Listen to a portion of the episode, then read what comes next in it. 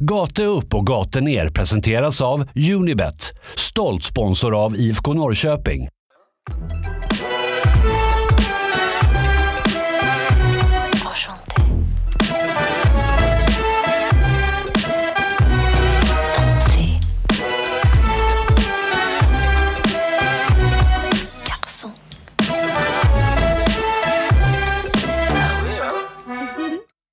Samma gamla gata upp, gata ner podcast, men i ett nytt format, nämligen på distans. Jag heter som vanligt Vincent Messenger och med mig har jag Pontus Hammarkvist, men du sitter ju inte framför mig Pontus, för första gången någonsin i det här poddformatet.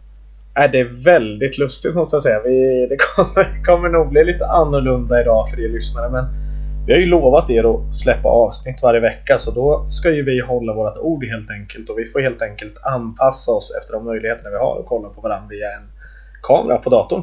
Det är vi ju inte de första som gör så att vi ska nog kunna reda ut det här också på ett eller annat sätt. Eller vad tror du? Ja, alltså det känns ju så, man får inte, man får inte låta som allt för mycket av en boomer. Att, att man så här ett och ett halvt år in i pandemin fortfarande tycker att så här, videomöten är jobbiga. Man måste ju någonstans ändå kunna kliva Fast det fram är till ju- plattan Fast och det prestera. är ju faktiskt jobbigt. det måste jag ändå erkänna. Men Jo, det är vad håller, det är. Ja, men jag håller med dig. Alltså min tjej säger ju att jag är den gubbigaste personen hon känner och jag är 23 liksom. Så det, det är klart att något fel är det ju på en. Då inser jag varför, varför du och jag är kompisar för min tjej säger precis likadant. Så att ja, nej men vi gillar inte teknikens framfart helt enkelt. Du och Två, två kontroversiella gubbar i medielandskapet helt enkelt. Det är du och jag. jag. Ja, 26 respektive 23 år. Men så är det. Vad fan, skit i det helt enkelt. Vi ska väl gagga lite fotboll som vanligt va? Ja, det är väl det vi ska göra. Eh, vi ska ju prata IFK Norrköping framförallt. Det är klart vi ska.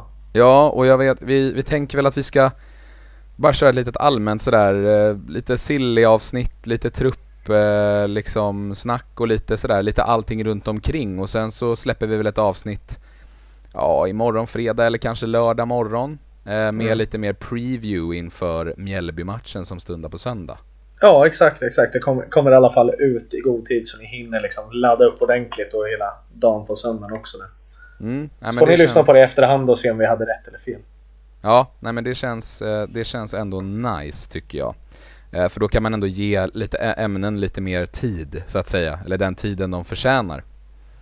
Eh, Och ett sånt ämne som jag har tänkt på lite här, det är ju att det har skett ett nyförvärv ju så här Mm. i efter, efterdyningarna till EM höll jag på att säga, men finalen är inte spelad än. Men i upptakten av den allsvenska återstarten. Israelen Yahav Gurfinkel tas Ja, in, hur- vänsterback hur vi- från Israel. Hur bra koll har du på honom? Jag har ingen koll överhuvudtaget mer än att jag läste att han har spelat en hel del U21-landskamper. Va? Eh, glad med ett nyförvärv som man inte har så mycket koll på. Det kan ju gå lite hur som helst, det vet vi om också. Men eh, jag är mest intresserad över vad vi ska kalla honom för egentligen. Det blir ju Guran eller något sånt där. Ja, det... Ja, jag vet, jag vet inte fan heller riktigt vad, eh, vad som ska göras. Men eh, något, något slags eh, smeknamn ska han väl ändå få. Det finns ju sanner, sannerligen kopplingar att göra till den gamla brittiska gruppen Simon and Garfunkel. Eh, Ja, jo, som absolut. ju eh, många redan har gjort sig lustiga, lustiga åt. Sema och Gurfinkel bland annat. Eller om då Marcus Salman skulle varit kvar så hade det blivit Salman och Gurfinkel. Så att det finns ju uppenbarligen kreativitet i Pekings supporterled eh, ganska snabbt. Han är ju, i alla fall det jag vet om honom, det jag läste på NT, är ju att han är ju en rak eh, vänsterback.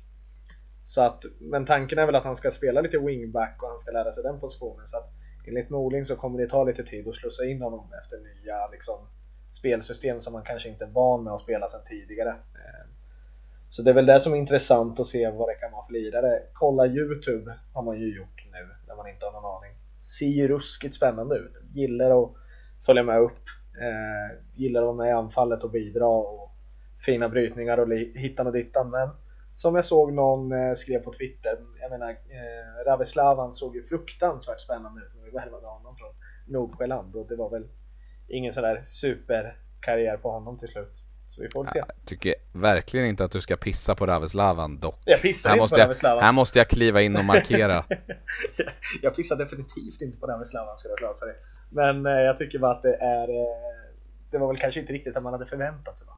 Eh, ja, nej men det, det, känns väl kanske som att det är en spelare som, eh, vad ska man säga, som du säger har varit traditionell vänsterback sedan tidigare men som man kanske ser eh, råämnen i för att kunna vara en, en wingback med liksom hög löpkap löpkapacitet och, och ett bra inlägg och liksom en, en offensiv mindset i en vänsterback eller en högerback är ju ganska bra om man vill ha en högt pressande wingback. Mm, mm, absolut, nej men som sagt vi det är väl få som verkligen kan eh, sticka ut näsan och säga att man har koll på den här spelaren så det finns väl inte så mycket att säga men eh, spontant ryktas om lite mer spelare. Var det verkligen det här vi eh, väntade oss och önskade i julklapp lite som man brukar skoja om? Jag är lite sådär alltså med en vänsterback. Sen är han bra, jag har ingenting emot att vi värvar in honom. Jag misstänker att man kanske vill flytta in Skulason centralt. Han var ju jävligt bra där sist. Förstår du vad jag tänker? Ja, ja, alltså jag fattar det men jag, jag Alltså så här, jag tycker inte man ska döma värv, alltså värvningen av Gurfinkel ja, alltså dels inte på förhand, men det var inte det jag tänkte säga, utan mer att man ska inte döma liksom det faktum att man har värvat en vänsterback med så här, men vi mm. borde ha det här istället eller det här istället. Alltså det får man ju göra när fönstret är stängt lite grann, om det inte har kommit in. Mm. Um, så jag menar, om man känner att man behöver en uppgradering där ute, som du säger, det kanske är lösningen centralt. Att man känner att man kan inte plocka in den centrala mittfältaren man vill för att till exempel ersätta Fransson om han försvinner. Då kanske det är som du säger att man då istället väljer att flytta in Ari eh, och att han ska vara mm, liksom mer av en central figur. Även om han fortfarande kan spela till vänster så kanske hans primära position under hösten om alla försvinner blir på mittfältet och då behövs det ju uppbackning till vänster. Eh, så det, man vet ju inte riktigt hur man har tänkt med truppbygget där men det är ju klart att skulle man inte få in en mittback till exempel nu i sommar men man värvar en vänsterback från Israel då är det klart att man blir lite tveksam. Mm, mm. Nej men det, det känns lite sådär, det, vi har ju en tunn trupp vilket vi skådade mot eh, Malmö FF även om vi gör det bra och låter ungtupparna spela så behöver vi, jag läste om Skulason idag också som vill lyfta de här unga spelarna, vi behöver ju ha in den här rutinen Eh, nu är Gufenkel 23 år gammal så att det är väl liksom ingen ålder på honom Det finns ju en liksom potential i framtiden att få pengar så jag gillar att man ändå fortsätter på det här spåret men Någonting kanske mer med rutin igen skulle jag vilja se. Men du har helt rätt i att såklart ska vi utvärdera den när när fönstret stänger. Vi får ju se vad vi vill plocka in. Eh, jag tror ju inte att IFK Norrköping kommer vara giriga det här året utan att vi kommer, vi kommer se det här lite grann som ett mellanår och blir det en tredje plats så kommer vi vara väldigt nöjda med det. Ett etableringsår låter ju roligare att säga än att säga ett mellanår. Ja, okej okay då. Ja. Men det är inte så jäkla roligt med ett mellanår eller etableringsår. Det är samma betydelse. Nej, men likt förbannat är de nödvändiga. Ja, absolut. Det... Jag har full respekt för dem också. Du vet ju det själv som gammal simmare, det var ju inte så här svinkul att liksom dunka längder i poolen en tisdag efter skolan, men det var ju roligt att tävla, eller hur? Ja, man gör det av en anledning liksom. Så är det Exakt mm. så. Så att eh, man måste lägga ner jobbet för att få utväxlingen, därav utveckling och mellanår eller vad du nu än vill kalla det. Mm, exakt. Som du hör är jag ju fast team Norling här. Ja, ja men det är skönt. Det är skönt. Jag, I hans ring jag är inte fast team någon egentligen än. Jag har ju sagt att jag är team Norling eh, nästa år beroende på vad som händer. Jag kommer igenom det här året hur den går. Eh, plus eller minus. Jag kommer vara jättenöjd om vi kommer trea, tvåa eh, eller kommer femma, sexa. Eh, så får vi se nästa år helt enkelt. Det är då jag tycker att så här, ska Norling få sätta sitt liksom, eh, spel och verkligen visa vad han går för. Det tycker jag att du uh, gör helt rätt i. Där är vi nog på samma sida, mm. skulle jag säga. Mm. Uh, jag tänkte att vi skulle prata lite mer om uh, mittfältet där mm. och eventuella lösningar där. Men innan vi gör det så vill jag ju, som så många gånger förr, tipsa våra lyssnare om Hemmaklubben. som ju är ett initiativ av Unibet där man kan stötta sin klubb med en stor del av kakan på 20 miljoner om man får sig själv och sina polare och tillräckligt många som då håller på en och samma klubb att gå in och registrera sig. För det är ju så, som ni vet, att ju fler som registrerar sig på hemmaklubben och att de håller på IFK Norrköping hos Unibet, desto mer pengar faller till IFK Norrköping och dess ungdomsverksamhet. Eh, och det har ju hänt grejer i tabellen där ju. För att man eh, låg ju nia. Jag har ju givit våra lyssnare skit över det. Att IFK Norrköping inte ska vara som Örebro. Eh, och att man har legat nia, man kom nia förra året, man har legat nia nästan hela säsongen nu. Men nu har man eh, tallat upp där på en åttonde plats. Mm, man eh, tar baby steps. Men det är det vi ska göra. Det ser lite tuffare ut till den här åttonde platsen. Men vad fan, vi ska dit. Så om alla våra polare som lyssnar på det här och alltså det är ju ni lyssnare givetvis. Eh, så ska ni tvinga era andra kompisar som eventuellt inte lyssnar på oss att gå in på hemmaklubben och lösa det här. För det är prestige. Ja men så är det ju, och man behöver inte lägga något spel eller någonting som ni alla vet utan man behöver bara ha ett konto på Unibet och så går man bara in på hemmaklubben och registrerar att man håller på IFK Norrköping och så får IFK en större del av den här 20 äh, milles slanten helt enkelt som går till kidsen och det är väl en supergrej ju. Mm. Eh, och om man ska göra det så ska man veta att regler och villkor gäller. Man måste vara över 18 år för att spela och om man upplever att man själv eller någon i ens närhet har problem med spel så finns stödlinjen.se alltid öppen. Jajamän. Då så. Mittfält. Mm. Det har ju tisslats och tasslats lite om mittfältare. Stämmer. Vad, vad känner du att man behöver för typ av mittfältare? Men jag känner väl att vi, framförallt om Fransson försvinner, så känner jag väl att vi behöver ja, men den här bolltrygga spelaren. Eh, kanske inte, han är väl kanske genuint inte den tekniskaste liran i laget, även om vi Linus Wahlqvist tyckte det kanske nu, eh, när Seada försvunnit. Men den här bolltrygga som kan vinna bollen både högt och lågt och ställa om snabbt. Jag, jag är ju väldigt svag för den här anfallsinriktade fotbollen. Men däremot så kanske det är någon mer starkare defensiv mittfältare vi må behöva för att, och det tror jag också Norling vill ha lite efter hans spelstil att man, man ska inte släppa in två mål, inte ens mot Malmö om du förstår vad jag menar. Nej, alltså jag är ju av åsikten att Alle får ju gärna vara kvar, för jag tycker att han är väldigt bra. Um, men om han försvinner så är jag av åsikten att man behöver två mittfältare. Mm. För att uh, det jag tycker saknas i det centrala mittfältet nu hos uh, IFK Norrköping, alltså med Alexander Fransson uh, och Isak Bergman Johannesson som gör ett jättebra jobb och är ett väldigt bra, är ett väldigt bra mittfältspar. Det är ju den här lite mer kreativa bollförande mittfältaren centralt i banan som kan liksom hitta luckor och vara kreativ och få till de här insticken i banan så att inte det bara kommer från kantspelarna utan att man även kan penetrera centralt liksom. Mm. Och, och, och, det tycker jag man tappade lite, vi har sagt det förut, även om Tern inte hade sin bästa säsong förra året så hade han de kvaliteterna och jag ser inte riktigt någon spelare som har dem i IFK, möjligtvis Kristoffer Cassini som skulle kunna vara den spelaren. Men det är frågan om han liksom kan hålla tillräckligt hög klass när han väl får chansen att spela. Ja, det är ju det och framförallt att han ska göra det kanske nu 20 omgångar till eh, trots allt. Jag tror ju inte att han är redo för att liksom hålla de matcherna nu hela säsongen ut utan det kommer bli mer från, från nästa år i sådana fall om nu han är kapabel att göra det. Man måste ändå ge sådana spelare som är oetablerade liksom, eh, tid att komma in i det. Så att nej, vi, vi behöver någonting där. Absolut gärna två men definitivt en.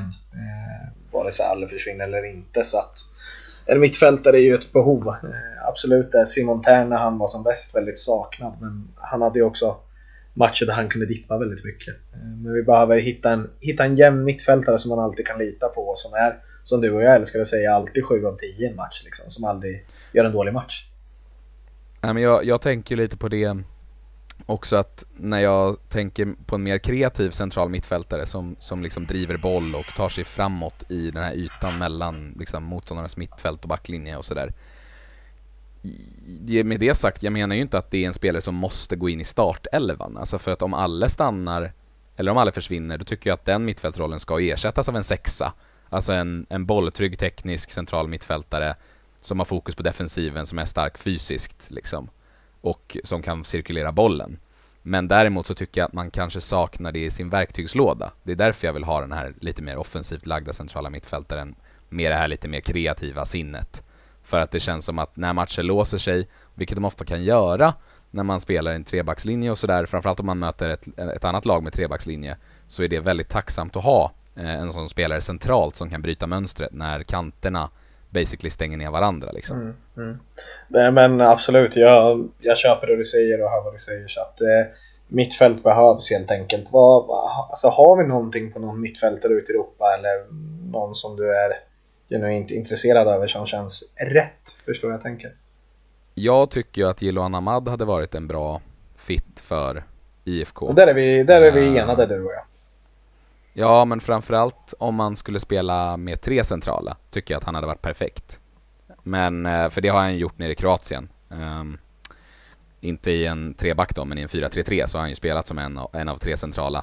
Jag vet inte riktigt om han har fysiken för att klara av att spela som en av två, liksom centrala mittfältare. Han är ju en tia egentligen från början. Men med åldern så tenderar man ju att sjunka ner lite i ner banan. Jag tror, Mm. Jag tror Gille kan vara en grym eh, central mittfältare om och bara rätt förutsättningar finns. Men tydligen så ska ju inte han vara aktuell. Enligt eh, Sille Guron Guron, Gurun, Daniel Disco Kristoffersson. Eh, Jaha, så okej. ska ju inte Hamad vara aktuell. Okej, Var- vart har du läst det? Nej, han sa det i eh, Studio Allsvenskan tror jag det var. Mhm. Eh, att, eh, sen kan ju allting förändras så, men, eh, men tydligen så ska inte IFK vara, vara där och hugga alls. Är det någon klubb det kan förändra sig så är det IFK Norrköping som är bra att jobba lite grann i det tysta ibland. Det är ju ett par gånger, de få gångerna han har haft fel så är det ju ibland IFK Norrköping till och med. Till och med Kristoffersson. Eh, Men vi får väl se som sagt vad... Det ryktas ju väldigt mycket om Sirius. För Hamad då. Ja, och Örebro vill ju ha honom också. Mm, och det har han ju däremot gått ut med sen eh, längre tid tillbaks också att han är intresserad över att spela i Örebro någon gång i framtiden. Frågan är om det är dags ännu. Nej, det är lite Ja. där jag är inne på. Det känns inte liksom som rätt period. Jag vet inte. Nej. En annan spelare som faller in i lite samma fack som Hamad, som är sådär tia, kreativ, duktig med bollen, eh, bidrar med offensiva poäng från centralt i banan, som börjar bli äldre, som kanske det är dags för att liksom börja glida ner i banan lite. Det är ju Nahir Besara, som jag är en liknande spelartyp.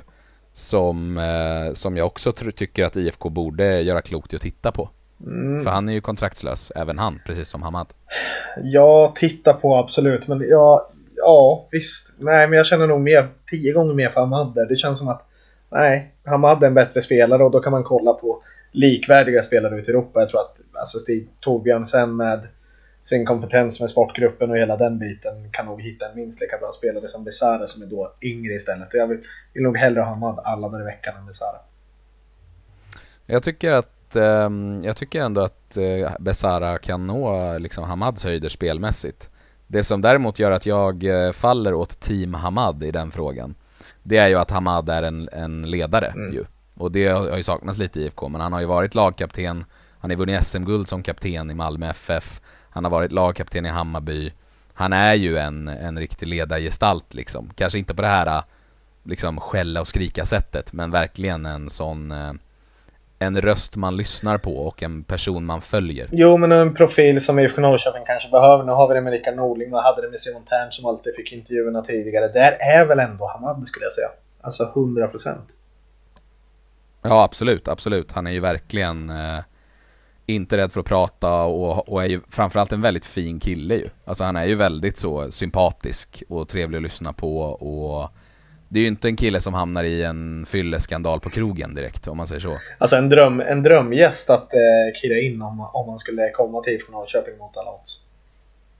Ja, han gillar ju att podda Gille, så att han tackar nog ja på en gång. Ja, vi får väl se. Men som sagt, nej, men jag är nog gärna för Hamad. Absolut. Eh, Besara, nja, nej. Helst inte, då går jag nog hellre på något yngre igen. Men eh, jag tror att den här sportgruppen har bra koll och på namn som vi uppenbarligen aldrig har hört talas om. Så att eh, vi får se hur det här klingar med Gufinkel och eventuellt något nytt. Men det ska vara, enligt vissa lite små rykten på Twitter, mittfältare på ingång. Eh, som redan kunde vara aktuella under deadline day såg jag Det var någon som tweetade om. Jaså. Mm. Men hur mycket det Ja, stämmer vet nej. man inte. Nej, jag... eh, Det enda, i och för sig så här, man får inte glömma bort det heller. Hade det inte varit lite kul med Besara bara för att se kubanerna koka? du har fan rätt alltså. Ja, Besara, fan, där, där fick du mig närmare Besara-spåret. Besara är för bra för ÖSK. Ja. Oskar Jansson och Astrid Ajdarevic och hela jävla gänget. Så kommer upp en sån här banderoll igen på Bern Ja, du kunde blivit en legend i Örebro, men istället valde du pengarna. Ja, okej då. Jo, men fan, varför inte? Eh, IFK Norrköpings enorma skattkista med saudiska oljemiljarder. ja, det hade varit, varit för jäkla roligt i alla fall. Eh, men i övrigt har jag väl kanske ingen sån där jättenamn. Det är väl Hamad som du och jag har snurrat in på ett par gånger tidigare. Det känns som vi upprepar oss lite där. Men i övrigt, ja, någon eh, spelare i likhet, alltså spelstil som är lik Hamad eller på det sättet. Ja men det är ju svårt det är svårt att komma på något annat, för det är inte som att jag sitter och kollar tippeligan varenda jävla helg och kan tipsa om fem kreativa mittfältare från Norge tyvärr. Varför inte det? det man, man får ju någonstans, när, man får ju någonstans gräva där man står. Jag trodde du skulle steppa upp rejält i år och hålla koll på varenda jävla liga. Utlandsproffs, det är det, enda vi, det är det enda spåret vi kan spekulera i, för det är det enda vi vet. Ja, det finns inte någon gammal Chelsea-talang Chelsea på mittfältet som inte blev något. Ja, Charlie Colkett trodde man ju skulle slå. Men han har ju redan men varit det gjorde han aldrig. Nej. Ja, det gick ju väl inte jättebra där heller så att Nej. han får väl hålla sig för sig själv. Ja, exakt. Nog om det i alla fall så är det väl så det ser ut. Hoppas på mer nyförvärv och man har ju sagt att det är två, tre som man kommer gå för att man har lite kontakter på andra sidan med. Så det kan ju bli mer. Vi får se. Anfallsmässigt då i truppen. Mm. Hur eh, Totte liksom? Mm. Jag vet inte, vad, vad händer? Eh, Det var ju ett tag sedan jag läste om det för ett par veckor sedan men då är det ju två månader bort minst. Så att eh, den här säsongen känns ju ganska långt borta för honom egentligen. Eh, misstänker att du är lite inne på hur vi ska fylla hans, fylla hans plats. Jag har ju ett förslag. Ja, ja men ja, nej men, nej men alltså Ja, det är väl en fråga men det jag framförallt känner är ju liksom att så här, Vad sker? Alltså för att det känns ju som att under hela tiden man väntar på Totte Nyman så kommer man ju aldrig plocka in en stjärnanfallare istället. Alltså förstår jag vad jag menar? Och jag, jag, jag, börjar, jag börjar bli lite orolig för Totte på riktigt. Alltså vad som händer. För han, han ska ju tydligen gå runt och ha ont hela tiden typ. Ja, eh, det är väl klassiskt Totte. Han är tillbaks där han, han var från början tyvärr stackaren. Han har ju haft problem med skador titt som tätt egentligen. Eh, kanske inte en sån här glaskula egentligen, men han har ju haft mycket liksom, problem och väldigt mycket otur och skador som har kommit tillbaka. Och när han var liksom ung som tusan där och aldrig fick starta då var det ju magen varannan var tredje vecka och man aldrig fick, riktigt fick bukt på heller. Eh, vilket man verkar ha fått bättre nu, men nu är det knän och allt vad det varit och fötter och hitta och dattan. Så att, ja, han har ju verkligen inte haft kudarna på sin sida när det gäller det där. Så att, eh, ja, jag vet inte. Nej, alltså jag, jag känner bara liksom det där att man kanske måste omvärdera Totte Nymans roll i truppen, i alla fall för den här säsongen. Mm, absolut. Och, och, och se honom mer som en reserv. Alltså just i spåret av de här skadorna han har haft. För det är ju varken rättvist mot laget eller mot Totte själv att liksom, du vet, ställa kravet på att så här, det är han som ska göra det, han är våran stjärnanfallare, han vann allsvenska skytteligan förra året, han ska leda linjen. Och sen liksom konstant ha den här stressen att han ska ta sig tillbaks för tidigt från skador och få bakslag hela tiden. Nej. För det känns som ett återkommande tema som vi har pratat om tidigare liksom. Och då känns det som att man kanske måste omvärdera den här hösten för Tottes skull och för IFK Norrköpings skull om man vill få ut det bästa ur Totte igen. Ja, alltså det är om man ska värva visst en stjärnanfallare, det kan man, hade väl absolut inte jag varit missnöjd med. Man älskar ju spelare som kan komma in och alltså verkligen göra mål eh, på riktigt, just som en Sami har gjort. Linus Hallenius. Ja, herregud. Alltså lugna ner dig människa. Linus, blir inget med helt enkelt. Nej men alltså det är klart att man vill ha en sån spelare och man kan värdera om det så. Det är ju problemet hur länge man ska liksom ta in en sån lirare då också. Ska man ta det på ett korttidskontrakt? Ska man ta det på ett lån eventuellt? Om man vet vad man får. Eh, Det är väl lite sådana utvärderingar också. Vilka, vilka som finns i siktet liksom. Jag antar att man inte har jobbat på en anfallare så himla länge liksom. Nej, eller om man tror på, på Carl Björk liksom. Det är klart att man kan göra det. Ja, jo absolut. Jo, men det tror jag att man säkert gör någonstans också. Eh, men däremot så är väl kanske inte han den spelaren som ska heller hålla 20 matcher. Visst, det får han jättegärna göra om man ser den potentialen. Men ja, nej. Nej men det blir lite orättvist att ställa det kravet på Totte, att liksom att han ska vara närvarande hela tiden om Norrköping vill utmana i toppen. Men det känns ju samtidigt taskigt att ställa krav på Kalle Björk att han måste vara lika bra som Totte Nyman ifall IFK Norrköping ska upp och slåss i toppen. Det blir ju lite dubbe, double whammy där liksom. Men där tror jag inte, alltså varken IFK eller supportrar har den liksom inblicken att man ser Karl Björk som en ersättare till Totte Nyman utan gör han det väldigt bra en hel säsong så kommer man vara väldigt tacksam och nöjd över det. Eh, men jag tror inte att det är någonting man kräver helt enkelt med honom eh, i vilket fall. Däremot så håller jag med dig om att det känns lite taskigt att så här, okej okay, nu ska du starta här 20 matcher till, 21 matcher till och briljera och göra 10 mål. Eh, det kommer inte kunna gå att sätta den pressen utan det får komma automatiskt i sådana fall. Eh, och just med den anledningen så tycker jag att det kan vara värt att ta in ett korttidskontrakt eller ett lån om man har koll på spelarna. Ja, alltså det, ja, alltså man kan ju alltid hitta lösningar liksom. Jag...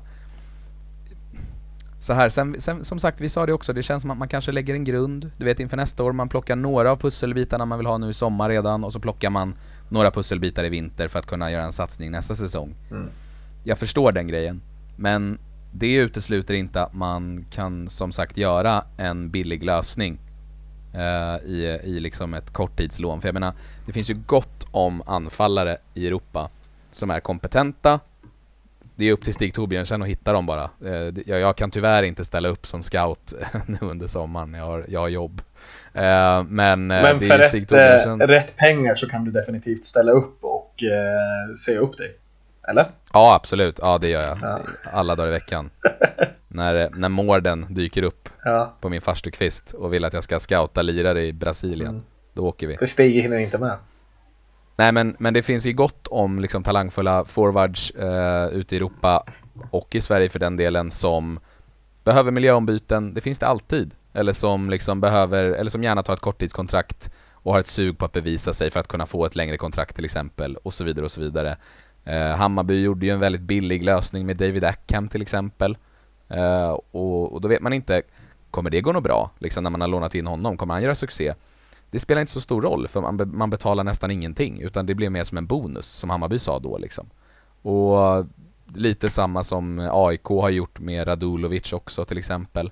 Det är så spelare med liksom låg insats och därför väldigt låg risk men som ändå kan vara värt att få in just för att ändå säkra upp lite på bredden i offensiven för det känns ju tunt där Alltså när vi kollade på den offensiven som gick in i Malmö-matchen till exempel. Mm, ja, det gjorde det verkligen. Så att det, det är klart imponerande, men att ge ungtupparna chansen hade varit väldigt kul. Men det kommer inte sluta i någon slags här succé med den här säsongen. Det är jättesvårt att, att faktiskt ta vara på. Eh, nu är Lukas Lima aktuell att kunna spela och hoppas att han fortsätter få chansen. Cassena har sett väldigt bra ut hela tiden.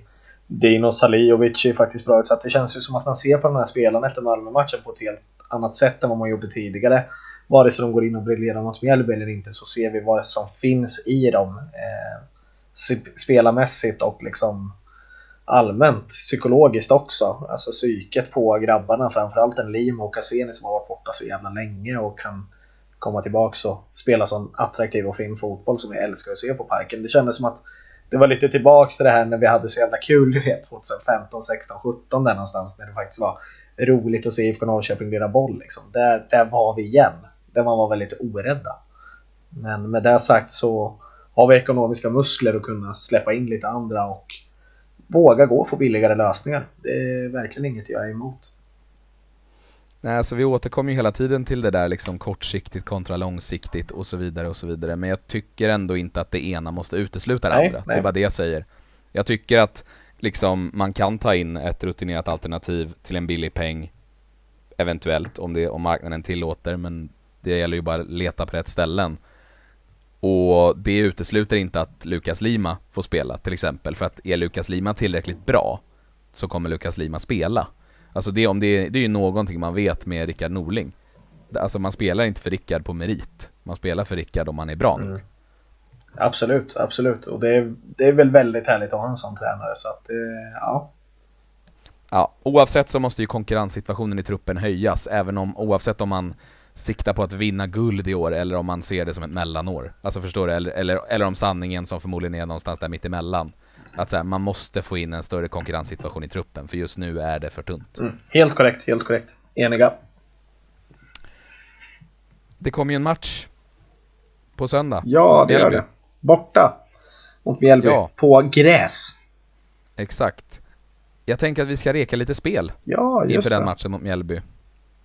Och eh, För jag har ju rekat den, eh, eller de spelen i vår eh, post Malmö, vårt Malmö nersnack eh, förra veckan.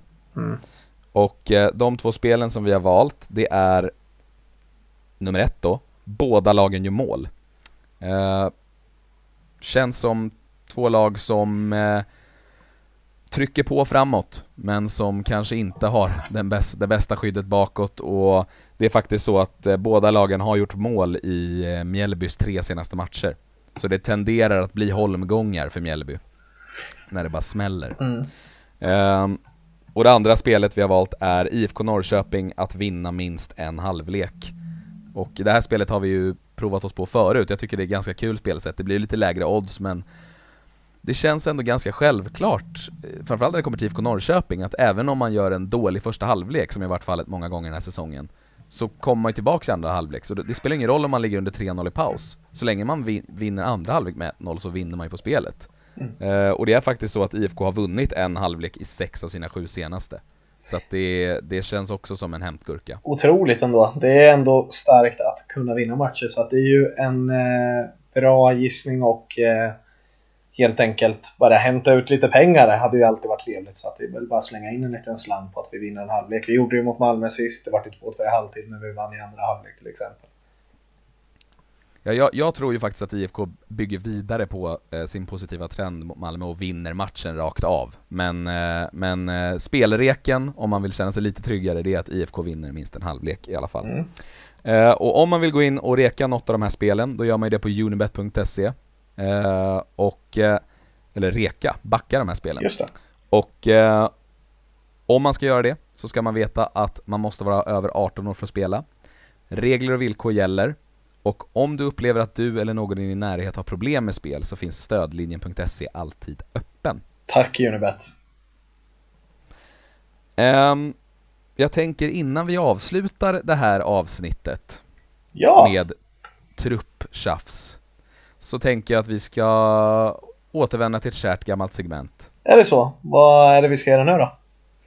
Vi ska väl hoppa in i Bobby Friberg da Cruz BMW och åka över Öresundsbron.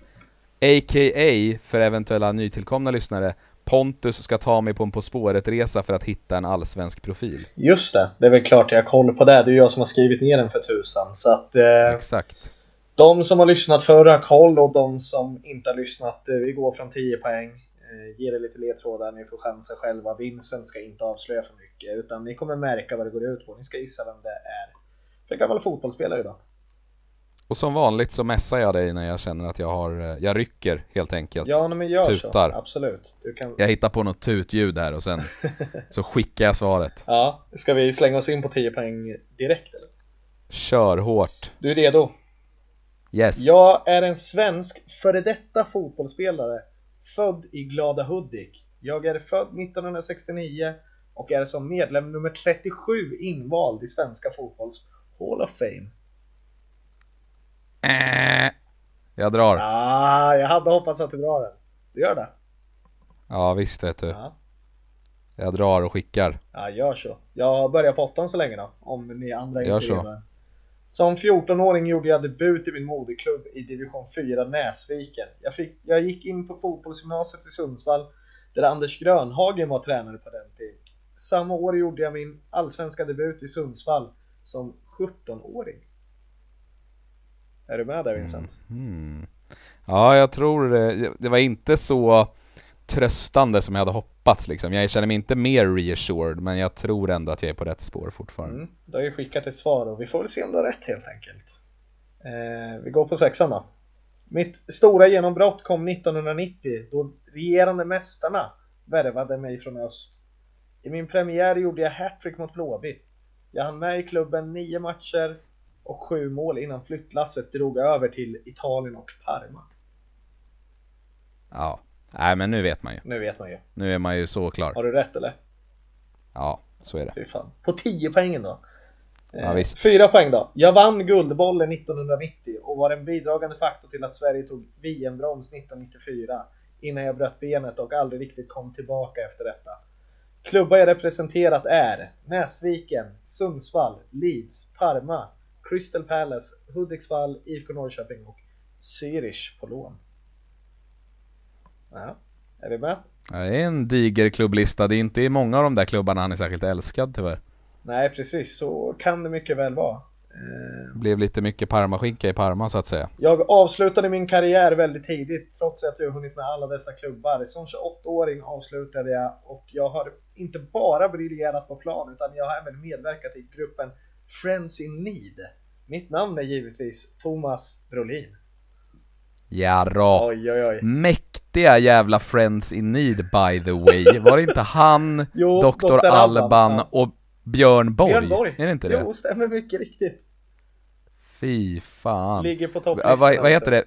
Vi, äh, alla vi längtar efter sommaren. Ah, Na, na, na. Ja, exakt. Och så är är det någon, Ja. någon tveksam musikvideo med tjejer i bikinis i någon poolvilla på Lidingö. Ah, det är ju bra skit. Det är, och så otroligt klippt i den musikvideon. Vi tipsar om den Mm. kanske, alla vi. Kanske en sommar-anthem från Dr. Alban, Thomas Brolin och Björn Borg. Jag kan lova att jag delar den på våra sociala medier så ni får se den. De kommer väl någon sån här flygplan, helikopter eller vad det är. Någonting. Ja just det, det börjar så. Ja, De flyger helikopter. Och så går de ner ut. Ja, herregud. Vilken video alltså. Ah, vilken banger. Men Thomas Brolin på fan 10 hände poäng. med- Vad tog du den på? Eh, jag, jag kan bara en svensk fotbollsspelare som är född där runt om som kommer från Hudiksvall. Mm. Och det är Thomas Brolin. Jag tänkte Så att du jag- var så duktig som att du gick det. in på den nummer 37 invald i svensk fotbolls Hall of Fame. Ja, det, det bekräftade ju för mig att det var liksom en stor svensk Ja. spelare. Och då förstod jag ju direkt att, ja men då är det ju Brolin. Ja, just det. Ehm, så att, eh, nej men det... Får man säga att det var en, eh, en 2 plus Bobby Friberg? Var lite enkel. Den var enkel. Det var en 2 plus. Den var snabbt gjord. Men jag tänkte att jag ville göra den och jag gillade Brolin så att eh, jag tycker, Ja, det var alltså, länge sedan. Ja, det var länge sedan men jag har ju också gjort dem väldigt svåra tidigare så jag kände att jag ville gå på något lite enklare spår. Roligt för vad? lyssnare också om man kan eh, sätta dem i tid liksom. Vet du vad? Nej? Allt som gör att vi får prata om gruppen Friends in Need i fem minuter i podden. Då går, Det är välkomna inslag. då, är det, då går det igång. Men det är roligt att plocka upp lite gamla fotbollsspelare ihop med Bobby också. Verkligen. Ska det, vara, ska det vara nya grejen efter Drömelvan sen? Att vi ska liksom välja våra bästa låtar av Friends in Need? Ja, ja det kan vi. Frågan är om det, man ens Finns får det så många? elva. Nej, jag tror inte. Nej, jag tänkte precis säga det. Du får upp en basketfemma kanske. Möjligtvis. Ja. Om, då ska man fan vara glad. En line-up i hockey. Eventuellt. Ja. Vi får väl se. Skit i samma. Nej. Kul att vara tillbaka i alla fall och kul att köra lite hobbybil här också. Verkligen, nej men det var kul att få tillbaks segmentet tycker jag. Eh, nästa avsnitt när vi eh, ska snacka upp Mjällby-matchen, då ska vi ju meddela vem som tar den tredje platsen i Drömelvan och sen också vilka fyra det är som går till andra chansen, för det är ju tre stycken som har kommit tvåa i sina separata omröstningar. Sen är det ju en till som har åkt ut, som vi har valt ut speciellt som ett wildcard som alltså får chansen. Ett wildcard i andra fyra. chansen ändå. Det är fan mäktigt alltså. Då, då kräv, Ja. Det krävs rätt hög meritlista på den. Wildcard, Andra chansen, Friends in Need, de här sista liksom 7-8 minuterna av podden känns som att vi har glidit över till att bli Mellopodden med Tobbe Ek i Aftonbladet snarare än Gata upp, gata ner. Ja, vem menar vi ska testa på det mesta så att eh, sjukt kul att ni lyssnar. Vi ska väl avrunda här va? Jag tror det. Ja. Jag tror det. Hoppas det att det blev så. okej När i vi, alla fall. när vi börjar jämföra oss själva med schlagerpoddar då vet man att vi är illa ute. Ja, det är därför jag bara frågar. Är vi klara eller? ja, nej men det är vi väl. Vi får, vi får tacka eh, våra lyssnare och eh, hoppas att ni har överseende med eventuella ljuddefekter och så vidare. Vi gör så gott vi kan. Ja. Eh, på distans helt enkelt med den utrustningen vi har att tillgå. Och vi kommer komma tillbaka som vanligt framöver. Ni får kanske stå ut med det här ett par avsnitt till helt enkelt. Sen är vi back on track. Sådana här lata studenter måste ju faktiskt jobba några månader om året, tro det eller ej, för att få saker att gå runt. Ja, så är det. Ta hand om er där ute så hörs vi nästa avsnitt. Ja, Mm. det gör vi. Puss! Puss på er. Hej! Hej hej.